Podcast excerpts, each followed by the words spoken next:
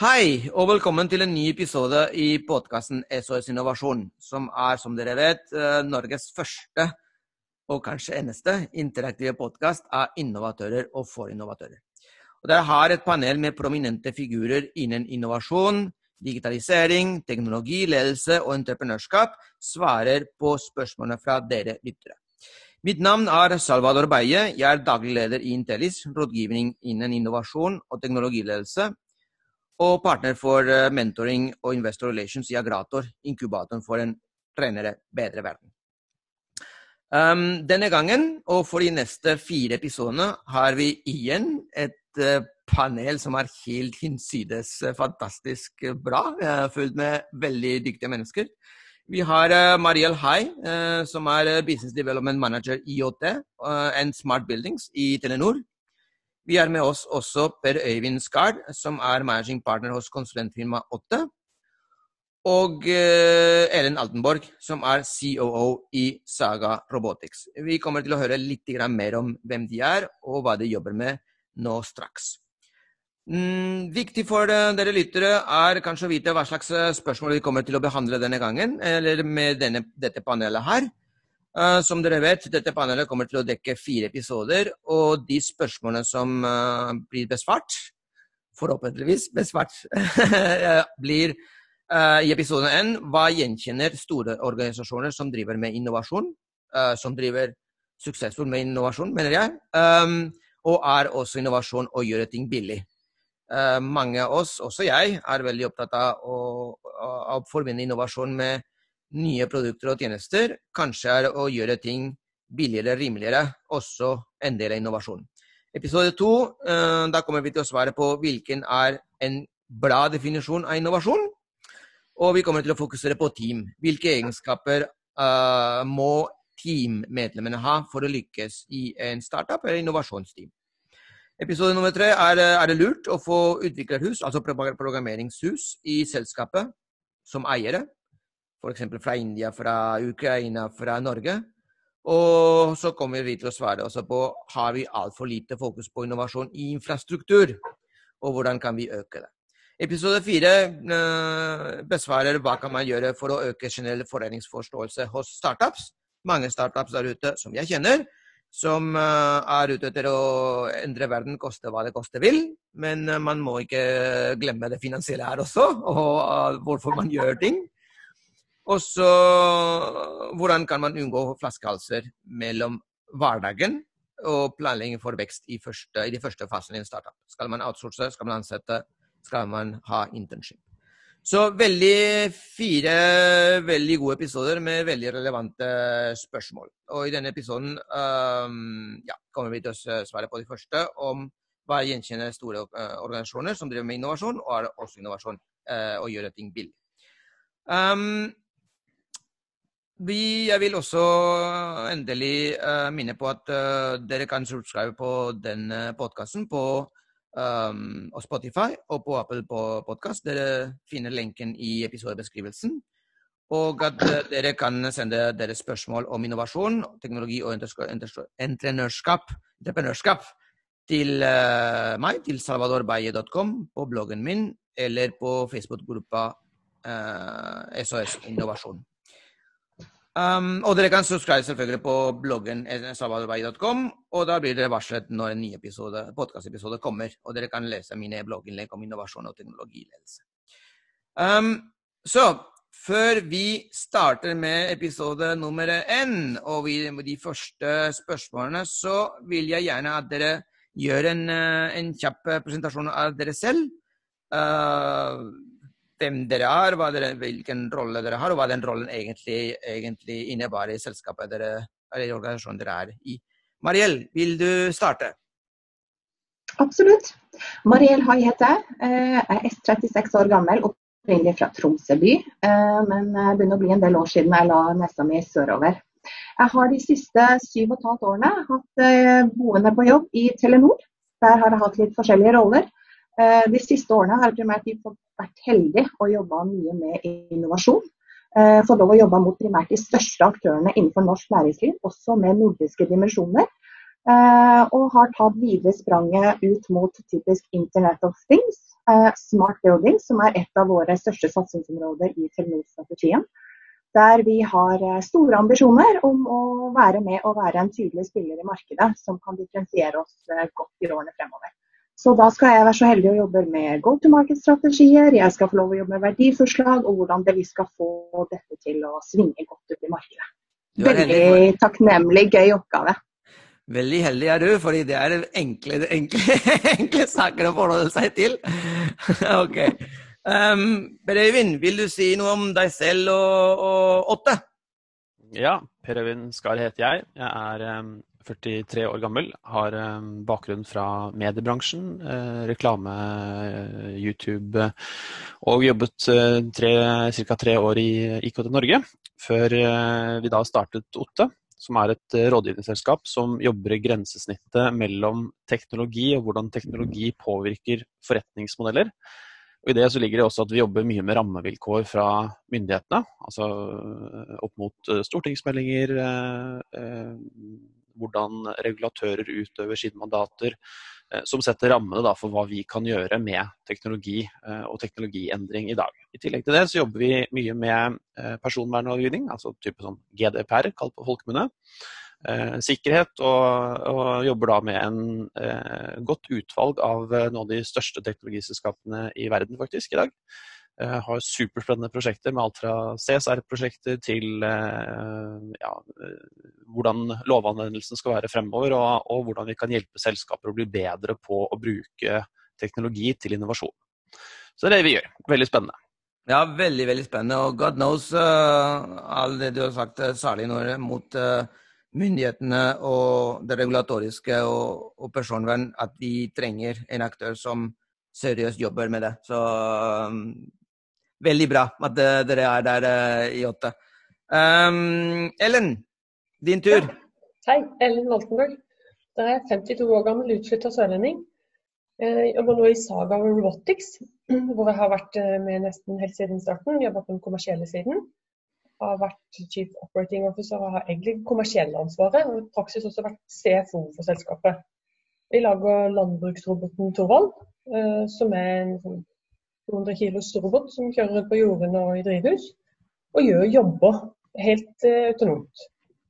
Um, og her sitter jeg og ser på uh, det jeg mener er en markedsmulighet som jeg ikke har sett siden jeg begynte å jobbe i Telekom på begynnelsen av 90-tallet, og det var fasttelefoni, og vi satt og så på mobil og internett. Så at oi, dette ble svært. Den nye teknologien har så mye nye muligheter i seg, og er så mye billigere enn den eksisterende, at det må bare bli sånn. Sånn ser vi nå for jordbruket, at det er så mange oppgaver der som egner seg så godt for robotisering. At det vil kunne, i hvert fall på sikt når får volum, kunne bli så billig at det kan erstatte veldig mye av de ganske tungvinte og lite miljøvennlige og litt effektive løsningene som finnes i dag. Um, ellers har jeg da bakgrunn fra Telekom, som jeg sa. Begynte tidlig i 90-tallet. Um, har jobba i Telekom software fintech i en ganske stor bredde fra forretningsutvikling til strategi til regulatorisk. har jeg også gjort det ganske lenge. Jeg har en doktorgrad i økonomi fra NHH. Perfekt. Uh, og jeg er helt enig. Jeg, ja.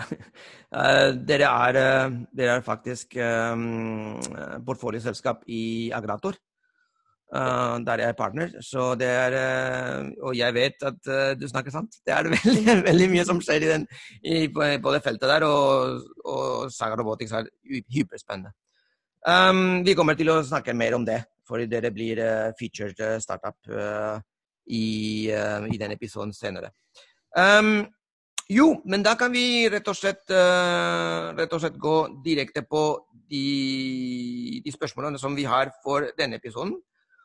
Og jeg syns at altså, disse, de, de, de, som sender inn uh, spørsmålene, de, de, er dristige, altså. Så spørsmål nummer én er hva gjen, gjen, kjennetegner store organisasjoner som driver suksessfullt med innovasjon? Og uh, vet du hva, Mariell, jeg tror vi starter med deg, du. Uh, siden du jobber i et veldig, veldig stort selskap. Og du har uh, vært uh, veldig involvert i innovasjonsprosesser i det siste. Hva, hva sier du, hva, hva, hva du kjennetegner eh, store organisasjoner som lykkes? Store organisasjoner som lykkes. Jeg sitter av en oppfatning at innovasjon kommer enten fra to steder. Enten så er det typiske ildsjeler på bunnen i spesielle team som er med å drive fokuset opp, jobber ut ifra hypoteser, skaper seg quick wins og klarer å få mye attention internt som gjør at dette på en måte forplanter seg. Eh, det andre er en type top down-mentalitet. Der det kommer fra øverste hold i ledelsen at man skal være innovative og at man skal jobbe i større grad smartere. I Telenor er vi ganske heldige at der har vi en kombinasjon. Ja takk, begge deler. Eh, det er stor grad av fokus på å drive innovasjon. Eh, og det er på en måte eh, med at man er en del av samfunnskritisk beredskapsplan, og at vi har stort ansvar på som aktør i Norge. Og det ligger en åpenlys forventning at dette er noe vi skal ha fokus og være gode på. Når du ser i andre enden av skalen, i de operative teamene, så har man fått lov til å endre litt way of work. Og det tror jeg er litt av nøkkelen. Man har fått lov til å generere mindre squads, chapters om man vil, med dedikerte ressurser, gjerne tverrfaglig oppsett, der man får lov å jobbe i større grad fritt.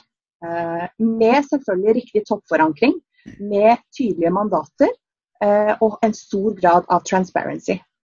Og hvis man på en måte får lov å sette sammen ulike skåd til å jobbe litt fritt, ikke i så stramme rammer, så ser man at eh, det kommer veldig mange bra ideer fram, mange hypoteser. Eh, og det å starte det små og ha dette som en dynamisk prosess som får utvikle seg over tid. Eh, og så handler det om å dele. Det handler om bevisstgjøring. I Telenor er det interne samhandlingsfora, det er Workplace som arena. Det er viktig å på en måte skape en awareness av hva som skjer i linja på tvers. og det, egentlig, Mariel, det er egentlig det du gjør for å skape innovasjon i store organisasjoner så må man choppe dem opp og, og lage små grupper ut av det. Absolutt, jeg tror det. Eh, og jeg tror du må ha en type riktig sammensetning av mennesker som ikke eh, Gjerne som er beslekta til core business, eh, for det ser vi at da får du ofte de største og de raskeste quick winsene. Det må ikke være for far out, men det handler i stor grad om å drive innovasjon på flere områder, og da må man gjerne starte i det små. Og for Telenor sin del, som har lykkes med at man har hatt etter hvert mye større ører og vært mer lydhør for markedet av hva faktisk kundene etterspør. Hvilke pains er det vi erfarer? Mm. Uh, hvor er det vi kan gjøre en forskjell? I stedet for historisk sett så har vi hatt produktenheter og andre som har utviklet produkter og tjenester, tatt det ut via salgskanaler, og dette skal vi eh, eksekvere på. Nå snur vi litt på løypa. I tillegg har Telenor de siste årene hatt ekstremt høyt fokus på å jobbe det vi kaller red working versus blue working. Uh, og med det mener jeg at den tradisjonelle blå måten å jobbe på, må styre etter tradisjonelle KPI-er, mye byråkrati, veldig lange beslutningsprosesser, så jobber vi mye mer agilt og mer rødt. Korte team, masse hypoteser, kasser og baller. Tørre å teste disse. Teste og lære og feile. Jo fortere du gjør det, jo bedre er det. Jo bedre rusta er det til å gjøre Eh, justeringer eh, i tett dialog med noen utvalgte samarbeidspartnere. Og Jeg har vært så heldig at jeg har fått jobba med Norgesgruppen, jeg har fått jobba med Kanika, jeg har fått jobba med Sats Elektra-kjeden. Eh, og Man har lært utrolig mye, og så har man på en måte hatt en forankring hjemme i eget hus på at vi er lydhøre og vi er åpne for innspill og har en gjensidig partnerstrategi med også med våre kunder. På den måten tror jeg man vil lykkes å drive innovasjon langt lengre enn å ha det kun på tegnebrettet i en strategiplan. Ja, kjempebra. Ellen, du, du, jobber eh, i en startup nå, men du har, uh, du har jobbet lenge også i samme selskap som Marie et svart selskap, Telenor. Uh, høres det riktig ut, det som Mariell sier? Har det, det, det, det, skjedd noe siden du var i Telenor og, og det så, mellom den tiden du var i Telenor og det som Mariell beskriver nå? Eh, ja, Du kjenner jo ikke så godt hva som foregår inn i Telenor nå, men Telenor er et av de selskapene som virkelig har lykkes med å gjøre innovasjon på innsida. Mhm. Det har vært, en, bør, har vært og bør være en modell for mange andre på måten har gjort det. Og En ting som jeg tenker er veldig viktig der, er at selskapet har et veldig bevisst forhold til risiko. Risiko? Fordi risiko er, for, Forstå risiko er et veldig sentralt element her. fordi den eksisterende virksomheten har for de som sitter på ledelsen i selskapet, en kjent risiko. Den mm. kan de forholde seg. De har alt sine apparater knytta til all analysearbeid. Alt henger opp rundt det eksisterende. Alt nytt må på en måte forsvare seg i forhold til det kjente. Uh, og Der har Telenor blitt en veldig god og dyp forståelse veldig tidlig. Og torde liksom å skille ut, akkurat som Marianne sier, å ta ut noe annet. og si at her, denne, dette kan vi ikke. Her er det noe nytt. Uh, men vi trenger å jobbe på feltet. Så vi setter i gang bortpå her. Men ikke bland det med det eksisterende. Sånn at du forholder deg til risikoen i det nye på en annen måte enn på det eksisterende. For ellers blir det mye taper hver gang. Nettopp. Så skal vi investere i master i forbedre nettet et eller annet sted versus begynne på noe nytt fintech-greier. Det vil du tape. Ja, det er, det, det, det er helt, eh, helt, riktig. Men du, du må ha hvis jeg, hvis jeg, leser deg riktig, um, betyr det egentlig at uh, toppledelsen må ha en uh, Må ha å forsvare risikoappetitt. Ja. Og, det er helt kritisk. Nettopp. Og, det, er, og det, er, det, handler også om å skille kulturer, ja. egentlig. Ja, det kan, det kan godt være et kulturspørsmål også. Men det er veldig mye et styringsspørsmål. Ja. Og så må man anerkjenne at vi har bruk for å være med på noe av det nye. da. Så må være ute og ta en ny type risiko og bli kjent med den. Mm. Um, per Øyvind, um, du, du, er konsulent, men du har også jobbet i, i industrien. Hva, hva din, og du har erfaring med dette. Hva, hva, din, du har vært til og med entreprenør, tror jeg. Uh, Startup selv, hvis jeg husker riktig. Stemmer det? Ja da, jeg har vært med å starte opp litt ulike selskaper. Så, Veldig bra. Hva, hva, er din take? Nei, altså jeg synes jo Både Ellen og Marell er jo inne på veldig sentrale punkter når det gjelder hvordan store organisasjoner lykkes med innovasjon. Um, og, og, Jeg likte veldig godt det Ellen sa om, om, risikovilligheten. For innovasjon er jo en form for altså det er jo en risikostyring i det. Uh, men samtidig så er det en risiko ved ikke å innovere også. Så det er den balansegangen mellom de, de der. Også, um, og for å fortsette da med Telenor som eksempel, for det er jo et veldig godt eksempel. Vi husker alle Televerket fra gamle Det er sikkert ikke alle som husker Televerket, men de som er eh, passert 40, husker i hvert fall Televerket i gamle dager. og Da var liksom kundene var et uting. Uh, og hvis du ser på det Telenor som er i dag, så er det et, eh, en av verdens største teleoperatører som har lykkes så godt på så mange områder. og Det er, det er et lite sånn industrieventyr som vi skal være veldig stolte av. Og de har lykkes med innovasjon hele veien. Og jeg tror noe av det som er viktig når, det, når, vi snakker om kanskje spesielt store organisasjoner som lykkes med innovasjon, så dreier det seg om at de har en, de har en, en sånn strategisk forankring i å drive med innovasjon. Det er forankret hos toppledergruppen at man skal jobbe med det. Så det dreier seg mye om at man har en uh, kultur i organisasjonen for innovasjon. Um, jeg har vært borti en del andre selskaper som absolutt ikke har en innovasjonskultur. Og det er klart at Da er jobben uh, å lykkes med innovasjon den blir mye vanskeligere. Da må du jobbe mot de interne uh, dragningene i selskapet.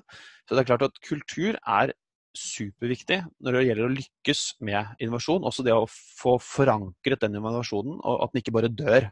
Mm. Um, og Vi ser jo det som, sånn fra sånn konsulentperspektiv, da, så er det jo ofte at man kommer inn i et land, i eller annet prosess eller prosjekt hvor, hvor vi jobber med noe innovasjon, og så har vi på en måte en eller annen leveranse og så vi, rulles vi av det prosjektet. Og så er vi da litt usikre på hvordan er, hvordan er egentlig forankringen internt i det selskapet for å fortsette den driven og med den, det, det, produktet eller den innovasjonen som vi har eh, jobbet med. Så det dreier seg om to ting til, mener jeg. Det dreier seg om at man har, eh, at man har kapabilitet i, eh, i, selskapet. Altså alt som går på ressurser, kompetanse, eh, know-how. Og så dreier det seg om at man har en, man har en organisasjonsstruktur som tillater effektiv bruk av de kapabilitetene man har, om det er innleid eller om det er interne ressurser. Men jeg tror det samspillet da, mellom eh, kapabilitet, struktur, eh, en kultur for innovasjon, og at det er forankret strategisk med god risikostyring, jeg tror det er ganske viktige, eh, viktige momenter i å lykkes med innovasjon. Og så kan man jo si at kanskje et like spennende spørsmål er jo hva er det som kjennetegner organisasjoner som ikke lykkes? Det var akkurat, det var akkurat mitt spørsmål nå! Ja, da slapp jeg å stille det. det. det. skulle vært mitt, mitt spørsmål. Ah, OK, go ahead. Ja, hva er det som lykkes? Altså, fra mitt ståsted, altså, de som ikke lykkes, er, er rett og slett ja, Det har mye med knyttet til risiko. Ikke sant? Det er den, den, en, en, en, nesten panikk for, altså, å, å, for å gjøre noe man ikke er målt på. Ja, altså tror jeg, jeg tror den, altså den, den, faren i dag da, er mye større enn det den var før. Fordi vi ser hvordan teknologi i dag er med å endre rammevilkår såpass hurtig. Altså, det, er jo, det er jo ikke noe nytt med at teknologi endrer uh, måten vi må jobbe på, men, men tempoet har kanskje økt noe i de siste årene. Uh, med AI og masse ja, Jeg trenger ikke å gå inn på alle de eksemplene, men teknologi har endrer markedet raskere nå enn det det gjorde før.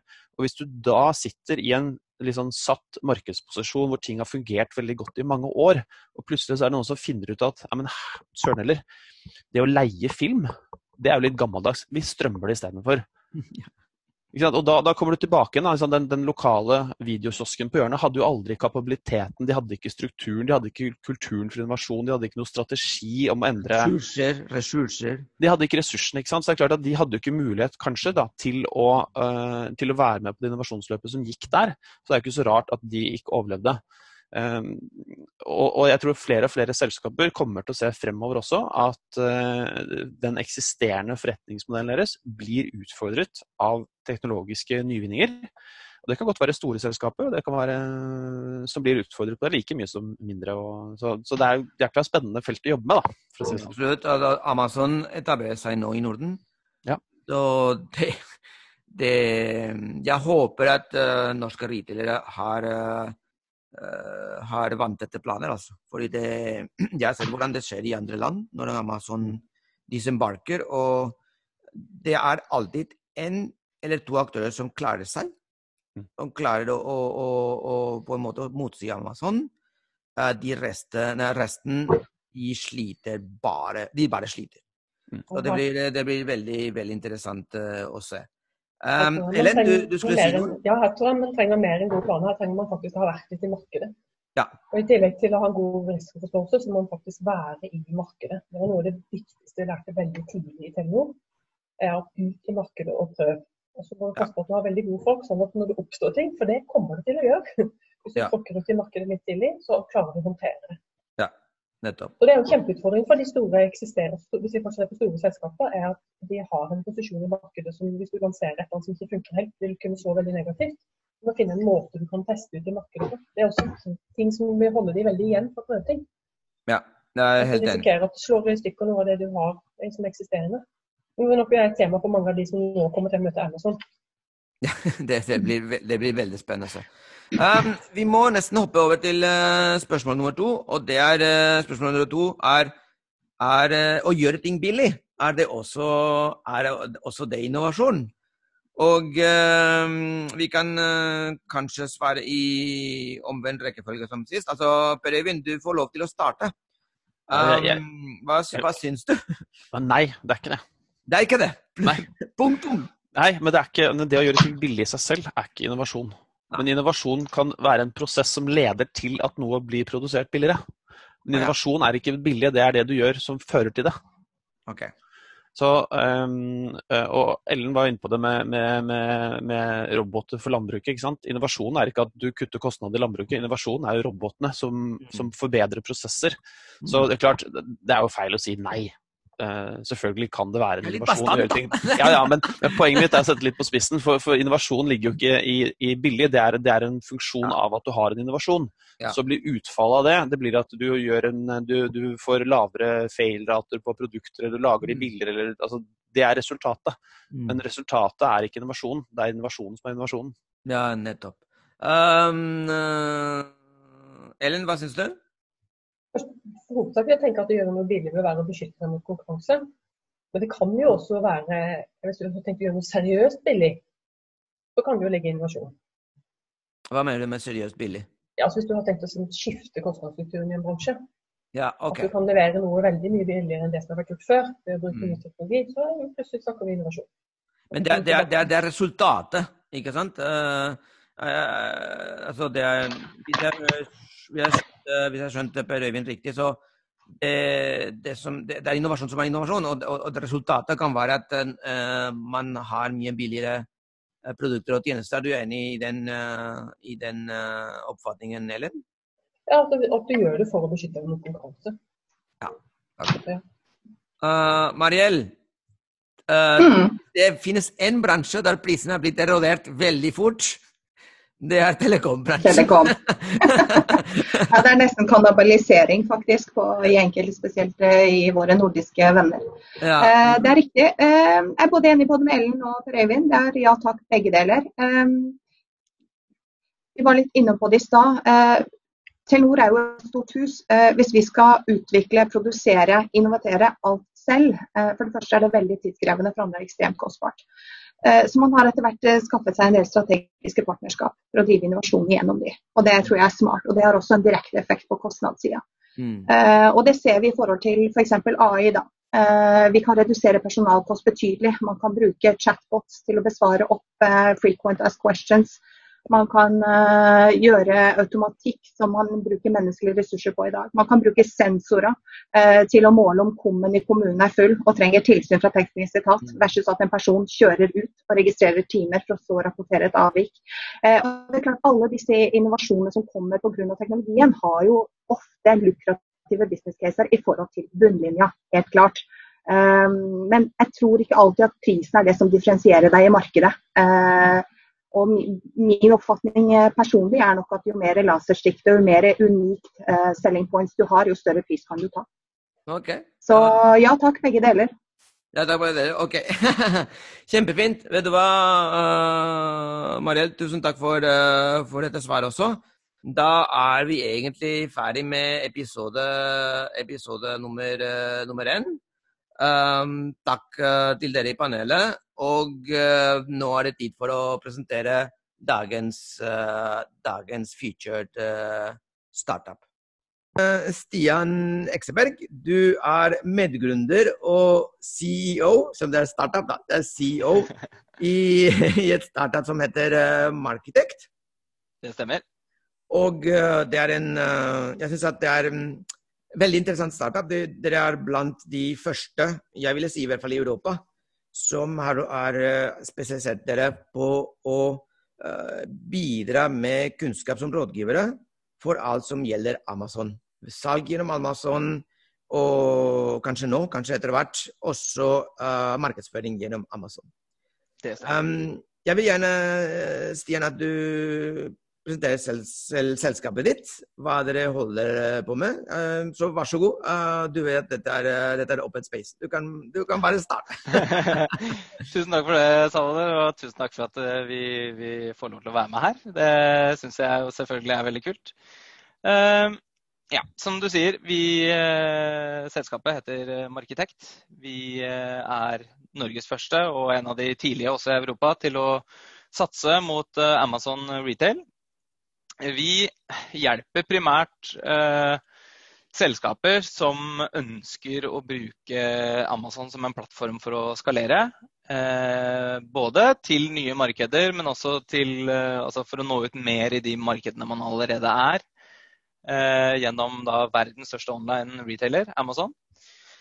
Uh, og én ting er jo å på en måte hjelpe selskaper inn der, for det, det, er en eller mange opplever det som en kronglete prosess, bare det i det hele tatt få åpna en konto. Så vi bistår i, i, den fasen. Også generelt med om du i det hele tatt skal gjøre det. For det, det er ikke alle som bør gjøre det heller. Eh, og selvfølgelig, når man har fått satt opp konto, så er målet vårt få, at du skal få mest mulig ut av den tilstedeværelsen du har der. At du skal få mest mulig ut av hver annonsekronen du bruker. Og at du skal være så organisk synlig som mulig. Nettopp. Um, kjempespennende, og det mener jeg. Ellers har jeg ikke invitert deg til å presentere selskapet. Men uh, jeg er veldig selektiv, vet du.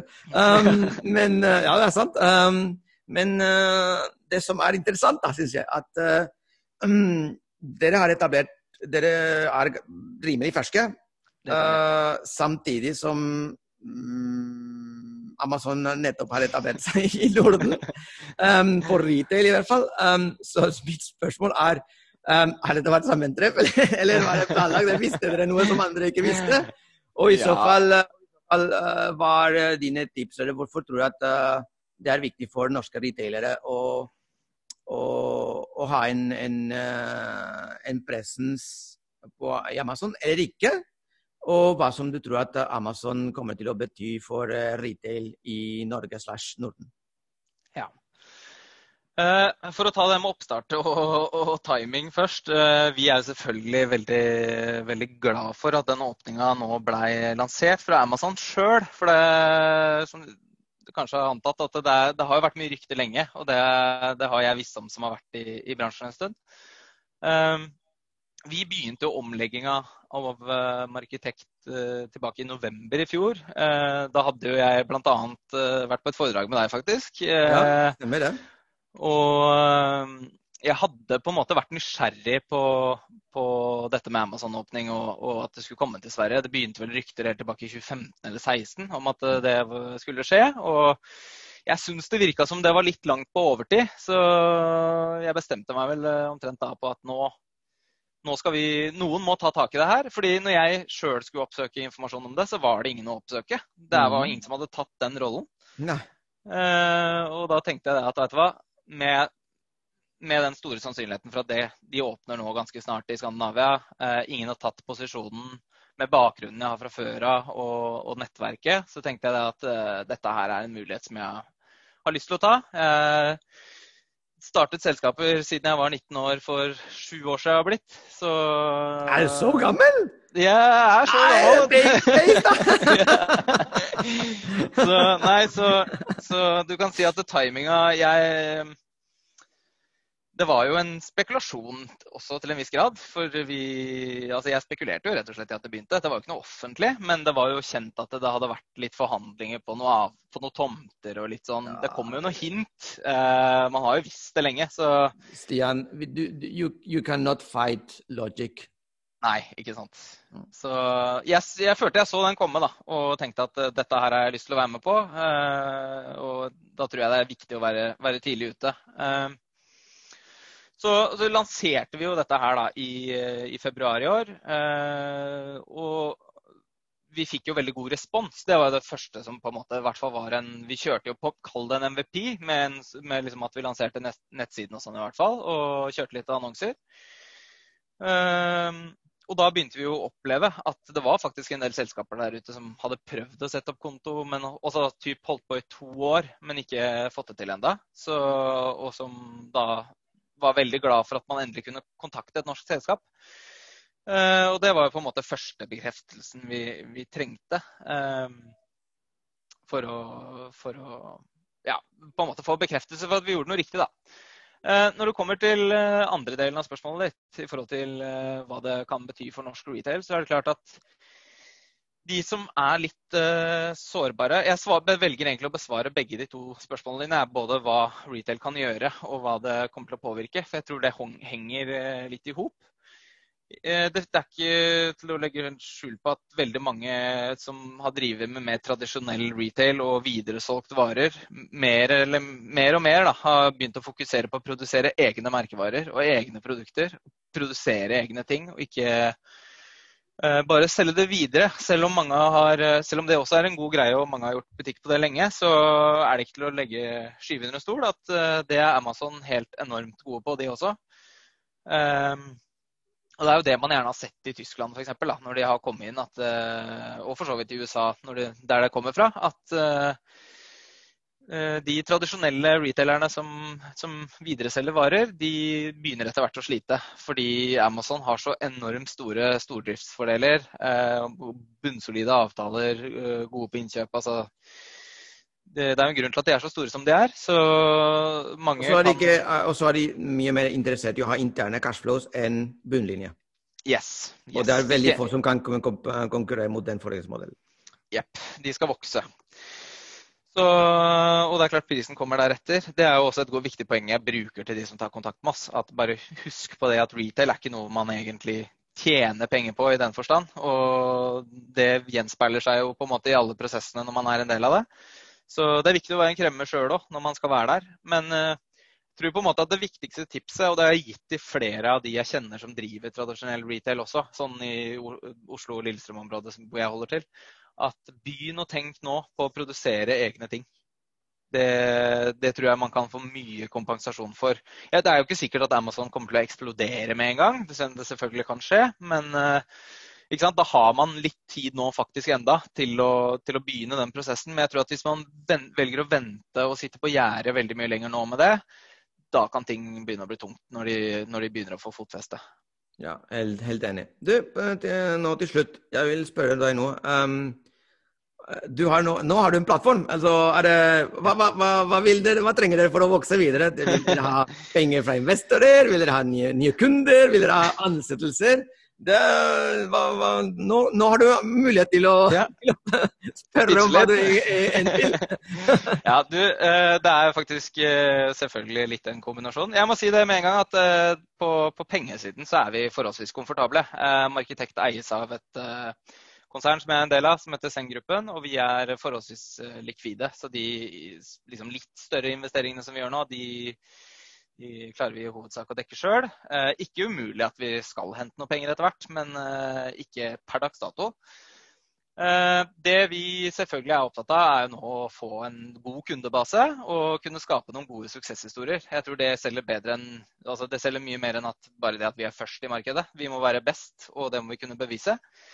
Så det vi søker nå, da, er selskaper som selvfølgelig eier egne merkevarer. Det er de vi fokuserer på nå. Eh, som gjerne selger litt utenfor landegrensene. Kanskje litt vant med å selge rundt i Skandinavia og kanskje litt i UK, eller til USA for den saks skyld. Som eh, har kommet til en vekstfase hvor de, altså de har tjent penger og gjort det greit i noen år, men ser nå at nå er det tid for å ekspandere og se etter nye kanaler.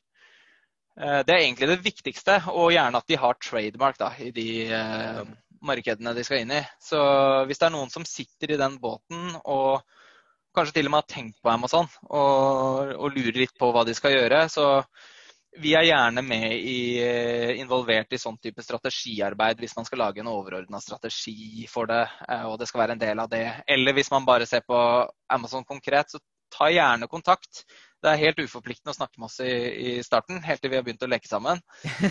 Så, så det, det, er, det, er, det bare å gjøre. Eh, det andre er jo selvfølgelig at eh, vi, jeg syns vi har fått en god start. Vi, har faktisk, eh, vi fikk betalende kunder fra dag én, og de er nå i gang. Eh, vi har noen spennende store prosjekter nå. Eh, litt usikker på om jeg kan dele de sånn på lufta, men ja, den dagen den podkasten kommer ut, så er kanskje det lansert allerede. Ja, ja, men du, vet du, hva? Eh. Det, vet du hva? Vi sparer det til når det kommer, og så kan vi ha det i, i kommentarfeltet. ja, ja, ikke sant? Ikke sant? Okay? Ikke sant? Perfekt. Eh, men eh, det betyr jo også at det er en større arbeidsmengde. Eh, per nå så er det jeg som er 100% jeg har en kollega i UK som jobber eh, ja, sirkus 40-50% Han eh, vil jeg løse ut så fort som mulig. og så har vi en intern som begynner faktisk i dag. Uh, som jeg tror blir veldig spennende. Mm. Men det er klart at vi uh, opp, opplever vi en veldig stor vekst nå. Altså, det er ikke til å legge under en stol at det er mye svensker som har ringt meg de siste dagene. Som, uh... Svenske, omvendt svenske, svenskehandel! ja. så, så, det er klart, jeg, jeg, ser for meg at vi skal kunne vokse. Vi er rigga med Hubspot og verktøy vi trenger for å vokse. Så Eh, hvis noen sitter med erfaring fra markedsføringsbransjen, gjerne også for så vidt logistikk og da import i, gjerne liksom internasjonalt og, og liksom den type virksomhet relatert til Amazon, og, og, så er det veldig interessant å bare ha en prat. Eh, når man vokser, så er, vet jeg av erfaring at eh, det kan være lurt å hente personer som har erfaring fra bransjen. Eh, selvfølgelig fordi det blir mindre opplæring, eh, og man kan på en måte bare hoppe litt rett i det, selv om det alltid er litt oppfølging. Så sitter folk med en fugl i magen eh, og tenker at dette høres spennende ut, kanskje går inn på nettsidene våre så leser de litt om oss, eh, og ikke minst er interessert i Amazon, så send oss veldig gjerne en mail og legge ved en CV eller en LinkedIn-profil, så, så har vi deg i pipen til vi trenger folk. Veldig bra. Vi har gått selvfølgelig langt over tiden, men uh, det, det, det, det, er, jeg husker at det skjedde veldig mye da, da, da, vi, da Lukas og jeg hadde um, podkast på skifter, fast podkast på, på skifter. Så var det alltid sånn, vi prøvde, vi prøvde, prøvde å holde oss til en viss tid, og det, gikk jo. For temaene er interessante rett og slett. Ja, ikke sant. Ja, ikke sant? Jeg, vi kunne sikkert snakka en time, et par timer til. Jeg, du aner ikke hvor mye jeg måtte uh, bite meg i tunga for å ikke spørre, spørre mer og diskutere. Men uh, Stian, tusen takk for, uh, for, den tiden du har brukt på dette. Um, og ja, til alle lytterne. Dette er en spennende ny startup. Har dere mulighet, eller kan dere tenke dere å jobbe i noe som uten tvil kommer til å vokse videre og fort? Eh, så som Stian sa, eh, det er bare å ta kontakt. Samme gjelder, eh, samme gjelder kunder som eh, vil være motrettet, eller rettet mot fremtiden. Tusen takk, eh, Stian. Vi ses og høres eh, ganske snart igjen. Bare hyggelig. Snakkes. Ha Og tusen takk. Hei, hei.